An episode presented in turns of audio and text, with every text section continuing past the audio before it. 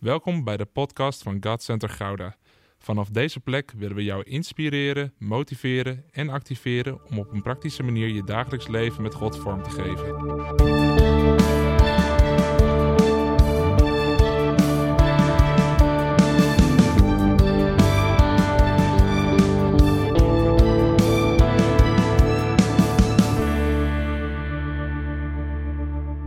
Goed, ben je er klaar voor? We gaan lezen met elkaar Matthäus hoofdstuk 14. En dan gaan jullie, heb ik altijd eh, toch begrepen, gaan jullie staan toch bij het lezen van de... Ja, ja. Matthäus hoofdstuk 14. Ik lees hem voor uit de Groot Nieuwsbijbel. Dus in je NBV-vertaling lees je hem ietsje anders, maar die vond ik gewoon heel mooi eh, in deze vertaling. Jezus zei zijn leerlingen dat ze in de boot moesten stappen om alvast naar de overkant te varen. Hij zou intussen de mensen naar huis sturen, die al heel lang met hem optrokken en weer, weer eens naar bed toe moesten. Toen hij dat had gedaan, ging hij de berg op om er te bidden, zonder dat de anderen erbij waren. En die avond viel en hij was daar alleen. De boot met de discipelen erin hè, had zich al honderden meters van de kust verwijderd. En dan gebeurt er wat, een storm. De golven beukten het schip, want de wind was tegen. In de nanacht kwam hij naar de leerlingen toe, midden in die storm, lopend over het meer. Ik kom niet uit mijn woorden. En toen ze hem over het meer zagen lopen, raakten ze in paniek. Tot zover. We gaan straks, je mag gaan zitten, nog het versen lezen. Tot zover. Ze raakten in paniek, omdat ze in een storm terechtkwamen. Wij zijn ook met z'n allen in een storm terechtgekomen. Daar ben je niet aan ontkomen. En dat is de coronastorm, de coronacrisis. Dat is een storm die ons diep heeft geraakt. Niet alleen ons land, maar wereldwijd. Het is ook een storm die maar niet over lijkt te gaan. We, hebben af en toe een stukje hoop dat we denken, nou is de wind gaan liggen. We zijn in de luwte gekomen, maar dan steekt die wind weer op, een nieuwe storm. En nu, ik heb opgeschreven, het Omicron-variant dreigt nu weer hier te komen. En er lijkt wel geen eind aan deze storm te komen. De coronastorm. En misschien heb je helemaal geen last van deze storm, dat zou kunnen. Dat je zegt, nou Jan, ik, ik kabbel daar wel doorheen, het gaat aan mij weer voorbij. Misschien zit je in een ander soort storm, in een persoonlijke storm.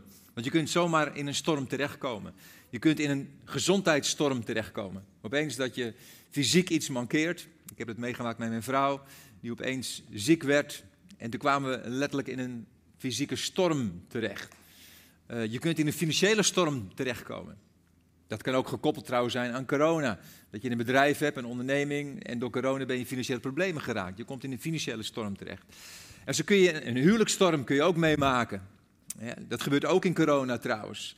Dat je opeens geconfronteerd wordt met elkaar, dat je vaker thuis bent met je kinderen, weet je. En dat, dat daar dingen openbaar komen, kun je in een huwelijksstorm terechtkomen. Er zijn er allerlei stormen waarin je terecht kunt komen. In een storm zie je verschillende dingen. Bij de discipelen zie je angst naar boven komen. Ze raken in paniek. En dat gebeurt ook in corona, dat heel veel mensen angstig zijn, gestrest, zich grote zorgen maken. Maar er zijn meer emoties die in een storm zomaar kunnen openbaar komen. Bijvoorbeeld verdriet kan openbaar komen.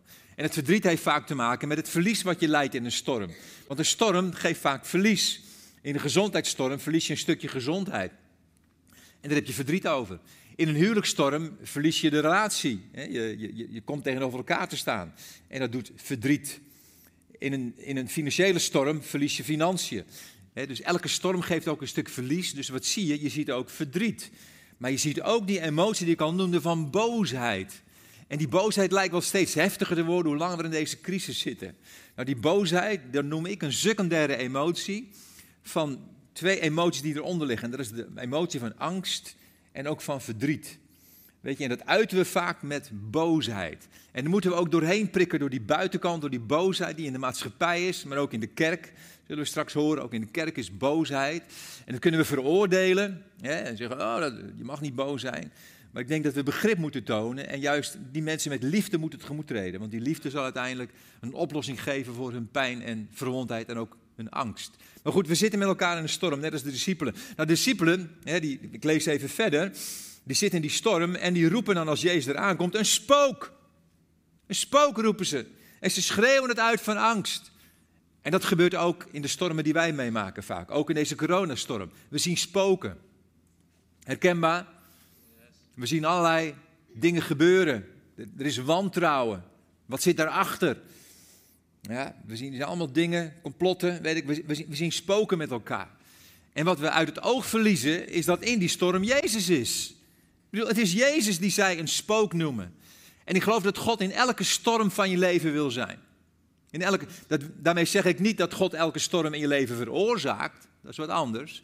Maar je kunt wel God ontmoeten in elke storm van je leven. Dat is een belofte die na hem profeteert. Die zegt, de weg van de Heer is in wervelwind en in storm. Na hem 1 vers 3. Na hem 1 vers 3. De weg van de Heer is in een wervelwind en in de storm.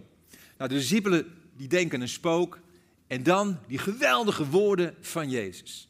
Die loopt er op het water en die zegt tegen zijn discipelen, daar komt hij, volgende vers in het stukje wat we gelezen hebben, blijf kalm, blijf kalm. Waarom kunnen ze kalm blijven? Ik ben het, zegt hij dan. Wees niet bang. In het Grieks staat er wat anders. In het Grieks staat er namelijk één woord niet. En dat is zo essentieel en zo belangrijk. Als je het ene woord weglaat, wordt het nog krachtiger. Jezus zegt, wees kalm, ik ben. Ik ben. En daarmee zegt hij alles. Ik ben. Als het goed is, herken je deze woorden. Ik ben van een prachtig mooi boek wat iemand hier in deze kerkzaal heeft geschreven. die acht uitspraken, hij heeft er eentje bij verzonnen. maar Jezus doet zeven uitspraken over, over ik ben. Heel duidelijk. En dat, daar zegt Jezus alles mee. Die ik ben woorden, die heeft Mozes ook gehoord. Ja? Als hij geconfronteerd wordt met een openbaring bij de brandende braamstruik. En God maakt zijn plannen bekend. En die zegt, ik heb jij uitgekozen om het volk te bevrijden. En Mozes denkt, dat kan ik nooit aan. En die gaat in protest. En ja, wie moet ik nou tegen de mensen zeggen dat met me meegaat? En dan zegt God deze woorden ook. Ik ben. Ik ben. Ja, daarmee geeft God aan wie hij is, zijn wezen. Ik was er, ik ben er en ik zal er voor je zijn te alle tijden. En onder diezelfde naam openbaart Jezus zichzelf aan zijn discipelen. Ik ben, ik ben die ik ben en ik zal er zijn. Hij openbaart daarmee zijn karakter, zijn wezen. Nou, Psalm 9 vers 11, Psalm 9 vers 11 geeft een geweldige belofte als wij die God kennen, die naam kennen. Dat zegt namelijk wie uw naam kennen, welke naam? Die naam van God, Yahweh, ik ben. Wie die naam kennen, die zullen op u vertrouwen. Wow. En dat is zo belangrijk. In de stormen van ons leven, dat we iemand hebben die we volkomen kunnen vertrouwen. In elke storm wil Jezus zich openbaren aan jou, aan mij, aan de wereld, met deze woorden, ik ben. Maar ik zie zoveel andere dingen om me heen. Ik zie zoveel angst, ik zie zorgen, ik zie stress, ook onder christenen. Ik mis dat. Dat stuk vertrouwen wat wij aan de wereld kunnen laten zien. De kerk zou juist in deze tijd moeten opstaan en moeten uitstralen. Jongens, God heeft nog alles onder controle. We kunnen God vertrouwen. Of geloof jij echt dat, dat God in paniek is in de hemel? Dat hij, dat hij de engelen bij elkaar heeft geroepen en gezegd: Jongens, wat is er nou aan de hand daar op aarde? Ik, ik heb een gerucht gehoord over een coronavirus. Wat erg, hoe kan dat gebeuren? Nee, God zit nog steeds op de troon. En we kunnen Hem volkomen vertrouwen. Hij is ik ben. Hij is ik ben. Weet je, en als we die naam kennen, hè, waar die psalm over schrijft, dan, dan gebeurt er wat met ons. Weet je, dan, dan, kunnen wij, dan kunnen wij sterk zijn en geweldige daden doen als wij die God kennen. Als Daniel zijn, zeg maar zijn boek schrijft, het boek Daniel, dan wijdt hij een aantal hoofdstukken, hoofdstuk 10 tot en met 12, wijdt hij over een vergezicht, wat hij krijgt een openbaring over de eindtijd. Lees het maar. Dat kun je, dat kun je bijna leggen, parallel, op, op de hoofdstukken 13, 12, 12, 13, 14 van het boek Openbaring. Dus over een verschrikkelijke tijd die gaat komen. En dan zegt hij midden in die hoofdstukken, zegt hij, maar het volk wat zijn God kent, die zal sterk zijn en grote daden doen. En die woorden gelden nog steeds. Een volk dat God kent, dat vertrouwd met hem is, die ik ben kent, die zal zich onderscheiden in deze tijd. En die onderscheidt zich op drie dingen. Die drie, drie dingen ga ik met je delen. De eerste hebben we al gezien met elkaar. En daar ga ik nog iets over zeggen. Wie uw naam kennen, die zullen op u vertrouwen. Nou, om eerlijk te zijn, heb ik dat vertrouwen niet altijd in mijn leven gehad in crisissituaties. Wel in deze coronacrisis. Ja, ik heb totaal geen angst of me geen zorgen gemaakt. Ik, ik heb continu het gevoel gehad, weet je, mijn God is te vertrouwen. Maar er zijn momenten geweest dat ik het vertrouwen niet had. En dat ik, dat ik echt dacht dat God mij vergeten was. Dat, dat de situatie zo ellendig was. En dat ik tot hem riep en tot hem bad, weet je. En dat ik het gevoel had, hij geeft geen antwoord, hij hoort me niet. Hij hoort me niet.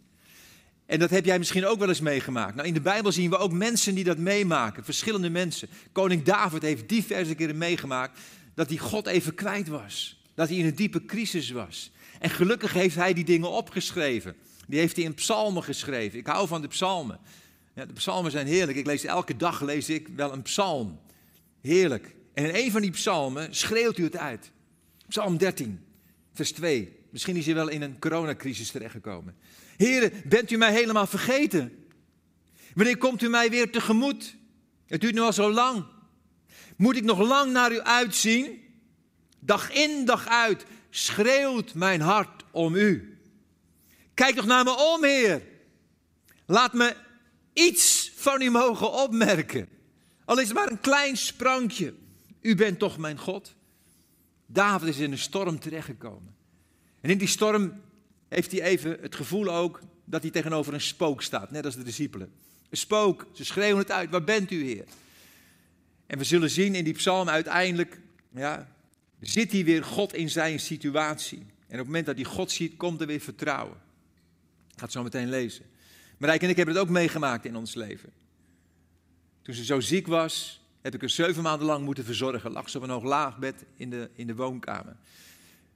Er waren momenten dat ze geen kracht had om zichzelf te wassen. Soms niet eens om het eten van, van de hand naar de mond te brengen. En ik heb het uitgeschreeuwd naar God. En het duurde zo lang, weet je. En er was een moment dat ik, dat ik het niet meer zag zitten. En dat ik, dat ik zo aan het huilen was. Op de bank. En er alles uitgooide, ook boos was. Zelfs een moment dat ik vloekte. Dat ik God niet meer begreep. En ik was uitgehuild, weet je. En ik vroeg aan, ik zei tegen de Heer, vergeef me dat ik zo gevloekt heb. En God zei, Jan, prima, ik begrijp je, het is goed. Je bent mijn kind en je, je mag je uiten. Je mag je emotie uiten. Maar toen kwam hij me zo tegemoet. Er kwam dat sprankje hoop waar David om bad. Er kwam dat vertrouwen weer. Ik kreeg een mail van een, van een lieve vrouw uit onze kerk. En uh, die mail opende ik. En zegt, Jan, vanochtend moest ik voor jullie bidden. En ik had op mijn hart om dit filmpje van Corrie de Boom naar je toe te sturen. Nou, in het filmpje vertelt Corrie ten Boom een kort verhaal. En het komt op dit neer. Uiteindelijk eindigt ze met deze woorden. Hoe diep de put ook is waarin je gevallen bent, op de bodem van elke put is uiteindelijk de hand van God. Die je opvangt en weer optilt. En dat gaf mij op dat moment weer vertrouwen. En het vertrouwen krijgt David ook in die psalm waar hij het uitschreeuwt. Hè. Dan zegt hij uiteindelijk in vers 6, de ommekeer, maar, zegt hij daar. Ik stel al mijn vertrouwen op uw goedheid en liefde. In mijn hart is vreugde, omdat ik zeker weet dat u voor bevrijding zorgt. Ik wil een loflied voor de Heer zingen, want hij helpt mij altijd. David, en dat is wel belangrijk, bleef zoeken uiteindelijk naar God. Hij bleef zoeken naar het aangezicht van God. En ook dat moeten wij doen. Weet je, ook al ben je misschien even in paniek, al is er even stress, al even zorg. Weet je, zoek het aangezicht van God. Want David wist, ja, ik moet het aangezicht van, aangezicht van God moet ik zien. Ik moet in de ogen van God kijken. In tientallen psalmen beschrijft hij dat. Heer, ik zoek uw aangezicht. Heer, ik verlang naar uw aangezicht te zien. Heer, verberg uw aangezicht niet voor mij. Waarom? Hij wilde God in de ogen kijken. Want hij wist, in welke storm ik ook zit, als ik in de ogen van God kijk en opnieuw zijn liefde voor mij zie, dan weet ik dat, ik, dat hij te vertrouwen is. Ook in deze storm. Ook al begrijp ik hem niet, maar ik kan hem vertrouwen. If you can't trace his hands, trust his heart. Soms zien we God niet handelend optreden zoals we graag zouden willen. Maar we kunnen zijn hart altijd vertrouwen. Dus in deze crisis, weet je, in elke crisis van je leven, probeer die ogen van God te zien. Mijn oudste dochter Naomi, inmiddels 39 jaar. En uh, die was vier jaar dat ze in de keuken aan het spelen was en uitgleed. En met haar hoofd op de punt van een gevelkachel viel. En het spatte open, het bloed gutste eruit. Hebt nog steeds hier een litteken onder de haargrens. Je kan het niet zien, maar als je de haar wegdoet, zie je een gigantisch groot litteken. Nou, ogenblikkelijk natuurlijk naar, uh, onze huisarts woont vlakbij ons, en naar de huisarts toe. En we konden gelijk natuurlijk binnenkomen. En ik, had het, ik, ik depte het bloed en eh, de huisarts keek me aan. Ik, ik had Naomi op schoot. Hij, zegt, hij fluisterde in mijn oor, Jan. Hij zegt, ik kan nu gewoon hechten zonder verdoving. En, ik, maar ik kan ook verdoving geven, maar die prikken doen ook behoorlijk pijn. Dus hij zegt, ik stel eigenlijk voor dat we zonder verdoving hechten. Ik zeg, doe maar wat jij goed vindt. En Naomi had ik continu in mijn armen. Ik had, er, op schoot, terwijl de dokter bezig was. En ze deed maar één ding, en dat is kijken naar mijn ogen. De hele tijd kijken naar mijn ogen. Want dat meisje van vier dat wist, ja, mijn papa zal niets toelaten wat niet goed voor me is. Dat wist ze gewoon diep in haar hart. En ze bleef maar kijken en ik keek er liefdevol aan. En ze heeft alles ondergaan. En ze heeft misschien gedacht, weet je, waarom staat papa dit toe? Ik begrijp het even niet. Waarom laat hij deze, deze meneer mij zo'n pijn doen? Want hij deed even pijn, die hechtingen. Maar ze wist, ja, blijf kijken in de ogen van mijn papa. Papa houdt van mij. Hij zal niet toestaan dat er iets met mij gebeurt wat niet goed voor me is. En zo moeten wij in elke crisis van ons leven, ook in deze crisis, blijven kijken naar de ogen van God. En dan krijgen we vertrouwen dat Hij nog steeds deze wereld in zijn hand heeft. Amen. Zo belangrijk. Nou, het volgende kenmerk, zij die God kennen, houden zich aan zijn geboden. Er staat in 1 Johannes 2, vers 3. Hierdoor weten we dat we Hem kennen. Opnieuw dat woordje kennen. Hoe weten we dat? Namelijk als we zijn geboden in acht nemen. Dus mensen die God kennen, die onderscheiden zich omdat ze God vertrouwen, maar ook omdat ze zich aan zijn woord houden. Christenen die God kennen, hebben een grote, grote liefde voor het woord van God. Amen? Jullie hebben toch allemaal een grote liefde voor het woord van God? Amen. En je hebt een verlangen. En daar zeg je ook amen op. En het verlangen is de wil van God te doen voor je leven. Toch? Dat willen we allemaal. Een verlangen om die algemene wil, het woord van God te gehoorzamen. En in een crisissituatie is het soms verrekte moeilijk om je te houden aan het woord van God. Toch? Ik vind het soms ingewikkeld, ook in deze crisis. Want het woord van God zegt soms dingen die ik moet doen. En denk ik, ja hallo, hé, dat, dat kan ik nu niet in deze crisis. En toch zegt Gods woord dat. Ja, ik ga je even pijn doen. Dus je moet meer even tegen je buurman zeggen of buurvrouw, hij doet het uit liefde. zeg maar even, Jan doet het uit liefde, maar ik ga even pijn doen. Paulus schrijft vanuit de gevangenis in Rome. Moeilijke omstandigheden. Niet vanuit een hotelkamer met roomservice. Een gevangenis. Erbarmelijke omstandigheden. Hij schrijft een brief aan de Filippenzen. Negen keer klinkt in die brief, klinken de woorden over blijdschap en je verblijden. En hij zegt dan in één vers dat twee keer, hoofdstuk 4, vers 4. Laat de Heer uw vreugde blijven. Ik zeg u nogmaals, ik wil het benadrukken, wees altijd verheugd. Voor degenen die dat misschien denken, ja, uh, context en hoe staat het er precies? Nou, er staat, het staat er echt in de gebiedende wijze, zoals ik het voorlas. Dus er staat daar niet dat Paulus zegt, zouden je willen overwegen wellicht om de keuze te maken om je te verblijden? Nee, het staat in de grondtekst in de gebiedende wijze, verblijd je. En het woordje altijd, ik kan er niks anders van maken, in het Grieks staat er ook altijd. Altijd. In elke situatie, zegt Paulus, verblijd je. Nou, ik zie heel wat anders om me heen onder christenen. Ik zie gemopper. Ik zie een enorme ontevredenheid. Ik zie verzet om me heen. En ik zie absoluut niet wat, dat dit gedaan wordt. Hè? Verheugt u ten alle tijden. Nou, vreugde, voor de duidelijkheid, is wat anders dan vrolijk zijn of gelukkig zijn. Vrolijk zijn of gelukkig zijn uh, is een gevoel wat afhankelijk is van de omstandigheden waarin je verkeert. Dus als je een fijn huwelijk hebt en je, je, financieel gaat het je goed en je bent gezond, dan heb je gevoelens van geluk, dan ben je vrolijk. Maar op het moment dat deze omstandigheden veranderen, een crisis in je huwelijk, ja, financiële crisis, dan verdwijnt ook het gevoel van vrolijk zijn en geluk, toch? Maar vreugde als het goed is niet. Vreugde heeft van een andere dimensie. Vreugde is iets diep van binnen in het leven van een christen. Daar moet je christen voor zijn. Ja, want die is gekoppeld heel duidelijk aan Jezus. Vreugde, goed luisteren, is niet de afwezigheid van problemen of moeilijkheden, maar de aanwezigheid van Christus in je leven. En dat maakt alles anders. Als je God in de ogen kijkt, hè, dat geldt opnieuw, dan komt er ook opnieuw een vreugde in je hart. In welke situatie je ook verkeert. Want die vreugde, daarmee druk je uit, Heer, ik vertrouw op u. En daarom kan ik mij verheugen. Weet je, ik heb, dat heb ik bewust gedaan in deze coronacrisis. Ik, ik kreeg ook zoveel klagende christenen bij me, ook leiders. Weet je, en ik, ik denk van, maar ik wil mezelf voeden met iets anders. Ik hoorde leiders zeggen, ja, over vervolging en we worden verdrukt. De, de, de, de kerk mag bepaalde dingen niet meer. Toen dacht ik, man, je weet niet wat je zegt. Je weet niet wat verdrukking is. Ik ben bewust voor mezelf een boek gaan lezen over verdrukte christenen, de ondergrondse kerk. That's different, Cook. Ja? die hebben niet even te maken met wat beperkende maatregelen. Dat is heel anders. Ik, ik vertel iets korts, één verhaal van wat in dat boek stond. Het boek heet The Voice of the Martyrs. Van, ik ben ik zijn naam weer kwijt, hoe heet die man? Todd Nettleton. En het gaat over een interview dat hij hield met Zuster Tong, een Chinese voorgangster. Die in de meest beruchte gevangenis van China heeft gezeten op grond van haar geloof. En die heeft afschuwelijke dingen meegemaakt in die gevangenis. Hij interviewt haar en dan wil hij haar de vraag stellen: Zuster Tong, hoe was het daar in die gevangenis? En hij is bang om dat te doen, want hij denkt, ja, ik maak emotie bij die vrouwen los. Misschien komt daar pijn los, verdriet los, boosheid wellicht over, over wat ze haar hebben aangedaan. Maar hij stelt toch die vraag.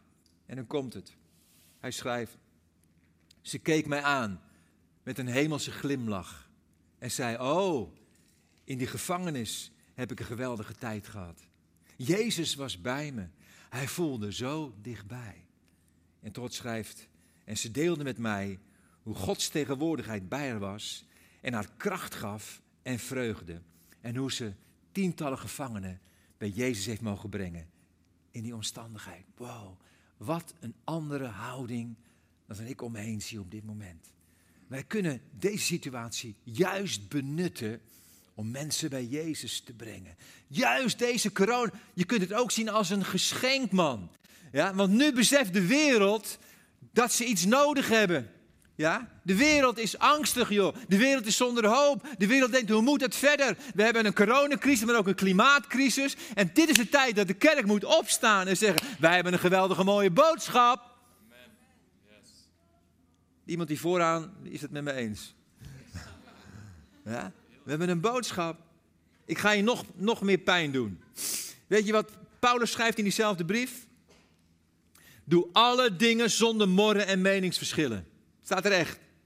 Doe alle dingen zonder morren en meningsverschillen. De, de, zegt, doe alles zonder morren of tegenspreken. Het heeft een reden. God vraagt dit niet zomaar van ons, een reden. Waarom? De antwoord staat erachter. Opdat u onberispelijk en oprecht zult zijn. Kinderen van God die smetteloos zijn te midden van een verkeerd ontaard geslacht, waartussen u schittert als sterren aan de hemel. Weet je, de wereld heeft een kerk nodig die schittert, die straalt, waar een volk is wat zijn God kent en die zegt wij vertrouwen God en wij verheugen ons, ondanks de situatie waarin we verkeren. Wij hebben een blijde boodschap nog steeds voor de wereld om ons heen. We gaan naar de derde toe. Moet opschieten. 1 Johannes 4, vers 7. Ieder die lief heeft, dus het derde kenmerk van een christen die God kent.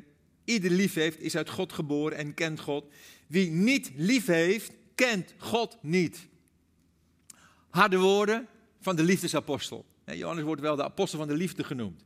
Dit zijn harde woorden. Als je niet lief hebt, zegt hij, dan ken je God niet. Nou, dat doet hij om ons even wakker te schudden. Om ons even op scherp te zetten. Niet om ons te veroordelen, maar om, om ons uit te dagen. Joh, als jij God werkelijk kent, dan zul je uiteindelijk lief hebben. En wat zie ik? Christenen onderling, we zijn elkaar aan het afmaken joh, tijdens deze coronacrisis. Echt waar. We hebben ons ingegraven in loopgraven. Ja, aan deze kant de wappies, zo worden ze genoemd. Ja, we noemen ze wappies. En, en, de, en de wappies die roepen, hé, hey, schapen! Hé, collaborateurs, Jullie heulen met de vijand. Jullie zijn blind. En degenen die blind zijn en die keurig de maatregelen vormen, die veroordelen de wappies. Die lopen ook te schreeuwen, wappies, jullie geloven in complotten, jullie zijn gestoord. Kijk maar op Facebook. Christenen vechten wat af met elkaar. En zal ik je wat vertellen? Ik heb vrienden die heel anders kijken naar deze tijd dan ik zelf. We staan lijnrecht tegenover elkaar. We hebben een totaal andere mening over de tijd waarin we leven. En ik zal je vertellen, we hebben er pittig over gediscussieerd met een aantal vrienden. Ik ga hun namen niet noemen, maar ik heb met een aantal hartsvrienden pittig mee gediscussieerd. Scherp. We hebben de randjes opgezocht. En dat is goed. En dat doe je met elkaar. Want we zijn vrienden van elkaar en dan kun je dat. Ja? En na afloop hebben we gezegd van joh, hier zijn we dus niet over eens. Let's agree to disagree. Maar wat verbindt ons? Jezus. En welke gemeenschappelijke boodschap hebben we? We hebben hoop voor deze wereld. We kunnen het evangelie brengen naar deze wereld. Jan, hè, uh, ik, zal, ik, zal, hem even Olaf noemen. Olaf, wij zitten er heel anders in. Hè. Wij denken er anders over, maar we gaan schouder aan schouder met elkaar het evangelie blijven brengen. En een wereld die dat nodig heeft. Wij laten zien dat wij elkaar lief hebben. En dat vraagt Jezus ook van ons in deze tijd. Jezus zegt tegen zijn discipelen: Aan jullie liefde voor elkaar zal iedereen zien dat jullie mijn leerlingen zijn. Dat is wat hij zegt. En wat ziet die wereld nu? Een kerk die verdeeld is. Een kerk die zich ook ingraven heeft in loopgraven. Een kerk waar christenen elkaar veroordelen, met elkaar vechten. Ik hoop niet dat jij eraan meedoet. Maar ik ben geschrokken wat ik heb gezien op Facebook. Hoe christenen tekeer gaan. Hoe liefdeloos we zijn geworden. Hoe de liefde verkild is. Terwijl Jezus zegt, aan jullie onderlinge liefde zal de wereld het zien. De wereld ziet het nu niet. Hij zegt zelfs dat we onze vijanden moeten liefhebben. En dan zegt er iets achteraan. In de bergreden zegt dat. Heb je vijanden lief. Dan zijn jullie werkelijk kinderen van je vader in de hemel. Wow, die is scherp. Woorden van Jezus. Dat heb ik niet gezegd, hè? dat heb Jezus gezegd. Ik herhaal gewoon wat hij gezegd heeft. Hij zegt, als je je vijanden lief hebt, dan laat je werkelijk zien dat jij een kind van je hemelse vader bent. En dan gaat hij verder, dan zegt hij, is het de verdienste dat jij lief hebt wie jou lief hebben? Is dat de verdienste? Ben je daar trots op dat jij van iemand houdt die ook van jou houdt? Hij zegt, wat voor uitzonderlijks doe je dan? Woorden van Jezus, hè? Lees het maar. Dat doen de heidenen ook. Maar wij zijn abnormaal. Amen? Yes. Wij zijn niet van deze wereld. Ik ga je verhaal vertellen. Ik loop wel uit ietsje. Heb, heb, ja, prima gezegd. Een aannemer voor de Tweede Wereldoorlog speelt zich af. Ik doe het even in telegramstijl. Het verschijnt het verhaal in mijn nieuwste boek. Komt in mei uit. Een aannemer in Frankrijk heeft een prachtig mooi bedrijf. Hij woont anderhalf, twee kilometer van het bedrijf vandaan. In een mooi huis. Hij kan s'nachts niet slapen. Gaat een stukje wandelen en loopt naar zijn bedrijf toe. En wat ziet hij? Hij ziet de vrachtwagen voor de deur staan. En dieven die bezig zijn om hout in te laden in die vrachtwagen. Wat doe je op zo'n moment? Wat doet een normaal mens? De politie bellen, toch? Nou, in die tijd had je geen mobiel, had hij naar huis moeten gaan en de politie moeten bellen. Hè? Want je denkt, ja, er wordt gestolen. Hij had ook een end hout kunnen pakken en erop aflopen en rennen en wegwezen jullie. Had hij ook kunnen doen. Maar deze man is niet normaal. Hij is namelijk christen. Geen end hout en niet bellen. Hij loopt daar naartoe. Die mannen schrikken even. Hij zegt vriendelijk, goedenavond, jullie zijn nog laat aan het werk. Hij denkt, ik moet ze even geruststellen, dat ik niet vermoed dat ze dieven zijn. Jullie zijn nog laat aan het werk. Ja, ja, zeggen ze, ja, we hebben morgen een grote klus en uh, geen tijd. We dachten, we gaan nu de vrachtwagen maar inladen. Hij zegt, eh, ik heb tijd, ik ga wel een handje helpen. En als het niet nodig is, dan denken dat willen we. Hij zegt, ja, ik ga helpen. Dus hij gaat helpen, joh. Hij gaat zijn eigen hout inladen. Terwijl hij bezig is, zegt hij, waar hebben jullie het hout trouwens voor nodig? Nou, die en die klus, dat, dat moeten we doen. Oh, zegt hij, maar dan moet je niet dit hout nemen. Kom even mee. En neemt ze mee naar een andere plek in zijn bedrijf. En zegt, joh, dit hout is daar uitermate geschikt voor. Ze zeggen, nou, jij hebt er verstand van. hij zegt, ja, dit is mijn bedrijf namelijk. Ze willen weglopen. Rustig, niet weglopen. Jullie krijgen die hele vrachtwagen cadeau van mij. Maar ik wil wel dat je eerst even naar me luistert. En hij begint met ze het hart van het evangelie te delen. En diezelfde nacht leidt hij deze twee mannen tot Jezus. En een van die mannen is later oudste geworden in een evangelische gemeente. Wow. Ja, dat verhaal is nog indrukwekkender hoor, uiteindelijk. Dan is het Tweede Wereldoorlog breekt daaraan. deze man verstopt Joden, wordt betrapt en komt in de gevangenis terecht. Niet leuk. Een Franse directeur die collaboreert met de Duitsers. En zijn vrouw brengt regelmatig eten voor hem. Maar dat krijgt hij niet, nee. Die gevangenisdirecteur die dekt de tafel op zijn kantoor. Prachtig, met kaarsjes erbij, met die heerlijke maaltijd van zijn vrouw. En dan nodigt die gevangene uit en die moet dan voor hem zitten. En dan zegt hij, joh, jouw vrouw heeft weer wat lekkers voor jou klaargemaakt. En dat ga ik nu voor jouw ogen opeten. En weet je hoe die aannemer reageerde? Hij keek hem aan met liefdevolle ogen. En hij zei, mijn vrouw kan heerlijk koken, dus het zal u goed smaken. Die gevangenisdirecteur werd gek, joh. Hij liet hem in elkaar slaan. Na jaren komt hij vrij, de oorlog is afgelopen. Die gevangenisdirecteur krijgt een gevangenisstraf van, ik dacht tussen de 15 en 20 jaar. Komt uiteindelijk weer vrij. En 25 jaar later komt deze man in het dorpje waar die gevangenisdirecteur ooit gewoond had en waar die gevangenis was. En hij zegt tegen zijn vrouw, zou die man nog leven? En ze gaan naar een bakker toe, ze halen brood, maar tegelijkertijd vraagt hij, kent u die en die? Ja, die ken ik. Leeft hij nog? Ja, die woont daar en daar. Dank u wel. Ze gingen naar een winkel toe, ze kochten allemaal etenswaren en ze zijn aan gaan bellen bij die gevangenisdirecteur. Die vreselijke dingen had gedaan met deze man. Hè? Hij doet open, hij herkent ze niet, hè? natuurlijk veel ouder geworden. Hij zegt, eh, goeiedag, kan ik u ergens mee helpen? Ja, zegt die aannemer, u kent me niet, maar ik ben die en die. En hij begint te vertellen. En die man deinst achteruit. Die denkt, ze zijn gekomen om wraak te nemen. Niet, niet, niet bang worden. En toen beginnen ze te delen. Hij zegt, joh, weet je nog dat mijn vrouw zo lekker kon koken? En ze wil graag vandaag voor jou opnieuw een heerlijke maaltijd klaarmaken. Mogen we binnenkomen? Die man valt op zijn knieën neer, begint te huilen. Jullie zijn niet normaal, wat is dit? En toen beginnen ze opnieuw ook met hem te delen. Het kostelijke evangelie van Jezus. En ze leiden deze man tot Jezus. En wij kunnen dit soortzelfde dingen doen met diezelfde liefde in deze coronacrisis. Wij kunnen, de band mag naar voren komen, wij kunnen deze liefde aan de wereld laten zien. Een liefde die de wereld niet begrijpt. Weet je, er wordt zo veroordeeld gesproken over, als ik lees wat mensen schrijven over Rutte en over de jongen en over, over andere mensen, joh, wat een veroordeling allemaal. En dan denk ik, kijk nou eens naar Jezus. Wat deed Jezus met die mensen die streken met hem uithaalden? Er was een groot complot gaande tegen Jezus, hè? En weet je wie deel van het complot was? Judas. Iemand uit zijn eigen team. Wat ging Jezus doen? Ging hij zijn discipelen waarschuwen? Jullie moeten oppassen voor Judas, jongen. Die is bezig met iets. Ging hij Facebook-post plaatsen over Judas? No way. Hij was er nog de voeten, joh, van Judas. En uiteindelijk verraadt Judas hem met een kus. Dat had hij afgesproken met de fariseeërs. De man die je kust, dat is degene die jullie moeten hebben. En ze komen eraan, hij kust hem. En wat zegt Jezus? Jij smerige verrader.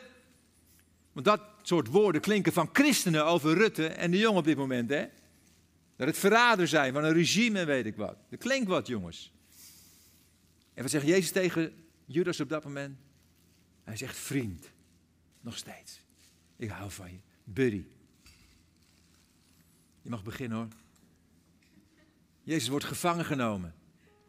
Door mensen die een complot tegen hem beamd hadden. En hij wordt op zo'n manier behandeld, joh. Afschuwelijk. Hij wordt vernederd, hij wordt bespot. Op een bepaald moment trekken ze een doek over zijn hoofd. En met een stuk hout beginnen ze hem te meppen. Volgens Micha profiteert het al. Links en rechts, hij ziet de klappen niet aankomen. Uiteindelijk wordt het weer afgedaan. Er komen mannen naar hem toe en die beginnen zijn baard uit te rukken. Zijn huid wordt losgescheurd, man. Wat een pijn moet hij gehad hebben. Er wordt er een doornkroon op zijn hoofd gedrukt. Wordt een zweep genomen en wordt geslagen, links en rechts. Die zweep was vermengd met kleine scherpe steentjes en glas. Zijn huid wordt losgescheurd, man. En dan wordt hij aan een kruis genageld. En daar hangt hij. Zes uur lang. Eenzaam. In de hitte. Vreselijke pijnen gieren door zijn lichaam. En voor hem, die complotbedenkers. Die hem lopen uit te dagen. Hem lopen te beledigen, te bespotten nog steeds. En wat doet Jezus? Wat gaat er in hem om? Komt een woede openbaar, een boosheid en veroordeling? Nee. Hij zegt, vader, vergeef ze. Ze weten niet wat ze doen. Jezus hing aan het kruis. En zijn hart was nog steeds een open wond van liefde. En die liefde mogen wij aan de wereld om ons heen laten zien. Wat die wereld ook doet. Wij kunnen die liefde laten zien. Zullen we gaan staan met elkaar. En dat is zo ontzettend belangrijk. Ik lees iets voor uit een tekst die ik op een filmpje, een videoboodschap heb neergezet. Dat je laat dat tot je doordringen. Ik heb daar staan, juist in deze tijd zou de kerk de maatschappij moeten beïnvloeden met liefde. Sinds de coronacrisis komt er een maatschappelijk onbehagen aan de oppervlakte. Er is een groeiend wantrouwen en verzet tegen de overheid. De discussies over meningsverschillen op sociale media worden scherper en harder. Er is sprake van een brede onrust, van ontevredenheid, polarisatie, verharding in de maatschappij. En wat zeg ik in dat filmpje, en dat zeg ik nu tegen jullie, wat ons land nodig heeft, is een revolutie van liefde. Nog een keertje, wat ons land nodig heeft, is een revolutie van liefde. We moeten onze meningsverschillen opzij zetten en lief hebben naar het voorbeeld van Jezus. Niemand kan je tegenhouden om lief te hebben. Ze kunnen je lastigvallen, ze kunnen op je schelden, je reputatie vernietigen, je belasteren, je onrecht aandoen. Je verplicht om een mondkapje te dragen. Je verbiedt om bij elkaar te komen. Maar ze kunnen je niet tegenhouden om lief te hebben. Amen. En dat is de kracht van de kerk. De kerk van Jezus Christus. En hij is op zoek, zoals Daniel het noemt, naar mensen die hem kennen. In deze storm waar we doorheen gaan. In deze crisis waarin we zitten. Is God op zoek naar mensen die hem vertegenwoordigen, die hem kennen. En mensen die hem kennen, die laten zien, God is te vertrouwen. Geen stress, geen paniek. We kunnen God vertrouwen. En mensen die God kennen, die zullen nog altijd zijn wil blijven doen. Heer, zegt u dat ik moet verheugen in elke situatie? Heer, ik vind het ongelooflijk moeilijk, maar als u dat zegt, dan ga ik dat doen. Dan ga ik die keus maken om me te verheugen in elke situatie. Ook in deze crisis. Ik zal geen mopperende christen zijn, Heer. Maar ik zal een vreugdevolle christen zijn in deze maatschappij. In deze wereld. Heer, vraagt u van mij dat ik lief heb, Heer. Ook als ik het moeilijk vind. Maar ik zal lief hebben. Ik zal de keus maken om lief te hebben. Zullen onze ogen sluiten. Vader, we bidden zo met elkaar opnieuw. Heer, ik bid dat deze mensen hier, Heer, in God Center Gouda, die houding zullen aannemen, Heer. Heer, dat hier een kerk zal opstaan met christenen die vol zijn, Heer. Vol zijn van U, Heer. Die U kennen, die samen met U wandelen, die intiem met U zijn, die ik ben kennen, Heer. En vanuit die kennis van U, Heer, dat kennen van U, Heer, dat ze U zullen vertrouwen. Dat ze uw geboden zullen gehoorzamen. En dat ze liefde zullen hebben, Heer, zoals U ons heeft lief gehad.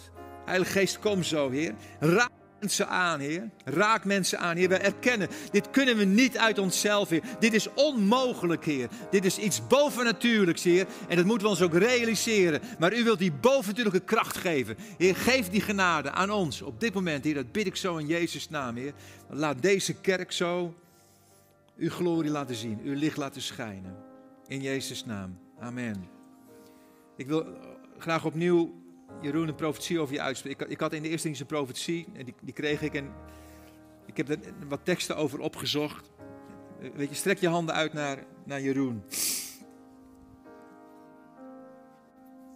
Weet je, we, we kennen elkaar nu een poosje en jullie hebben zo'n pure man als leider, dat meen ik echt. En ook een vrouw met Petra samen. Maar dit is, dit is een man die zo toegewijd is aan God. Ik, ik moest denken aan Psalm 78, vers 70. Er staat: Zijn keuze viel op David. Dat is Gods, Gods soevereine keuze geweest. Soms kiest hij gewoon mensen uit. Hij heeft Jeroen en Petra uitgezocht. Zijn keuze viel op David. Hij riep hem weg bij de schapen uit hetgene wat hij aan het doen was. En haalde hem achter de zogende ooien vandaan en maakte hem herder van Jacob zijn volk. En Jeroen, zo ben jij tot een herder gemaakt. Maar God zegt iets zo moois over David. En dat zegt hij ook over jou. Een herder met een zuiver hart en met kundige hand heeft hij hen geleid. En die twee componenten heb jij ook, Jeroen. Je hebt zo'n integer, zo'n puur hart, man. Zo'n toewijding aan, aan God. Maar God heeft je ook ongelooflijk competent gemaakt. Hij heeft je kundig gemaakt om een, om, een, om een leider te zijn in deze tijd, in dit land en hier in, in Gouda. En weet je, omdat hij dat ziet, gaat hij ook heel veel toevertrouwen. En dat, dat gaat, de increase, de toename gaat komen. Jullie zijn al snel gegroeid, weet je. Maar het, het zal niet stoppen, het zal doorgaan. En het, en het woord kreeg ik tijdens de eerste dienst. Jezaja 54 vers 2. Vergroot de plaats voor je tent. Span het tentdoek wijder uit. Zonder enige terughoudendheid. Verleng de touwen, zet de tentpinnen vast, maar naar alle kanten zul je uitbreiden. Je nageslag zal de vreemde volken verdrijven en de verlaten steden bevolken. Vanuit deze plek dit zal een gemeente zijn die, die een apostolisch-profetische stem zal zijn. Waar mensen getraind worden en waar mensen uitgezonden worden. En er zullen kerken gesticht worden vanuit deze plek. In Jezus' naam. Amen. Laten we God een applaus geven. Dank u wel.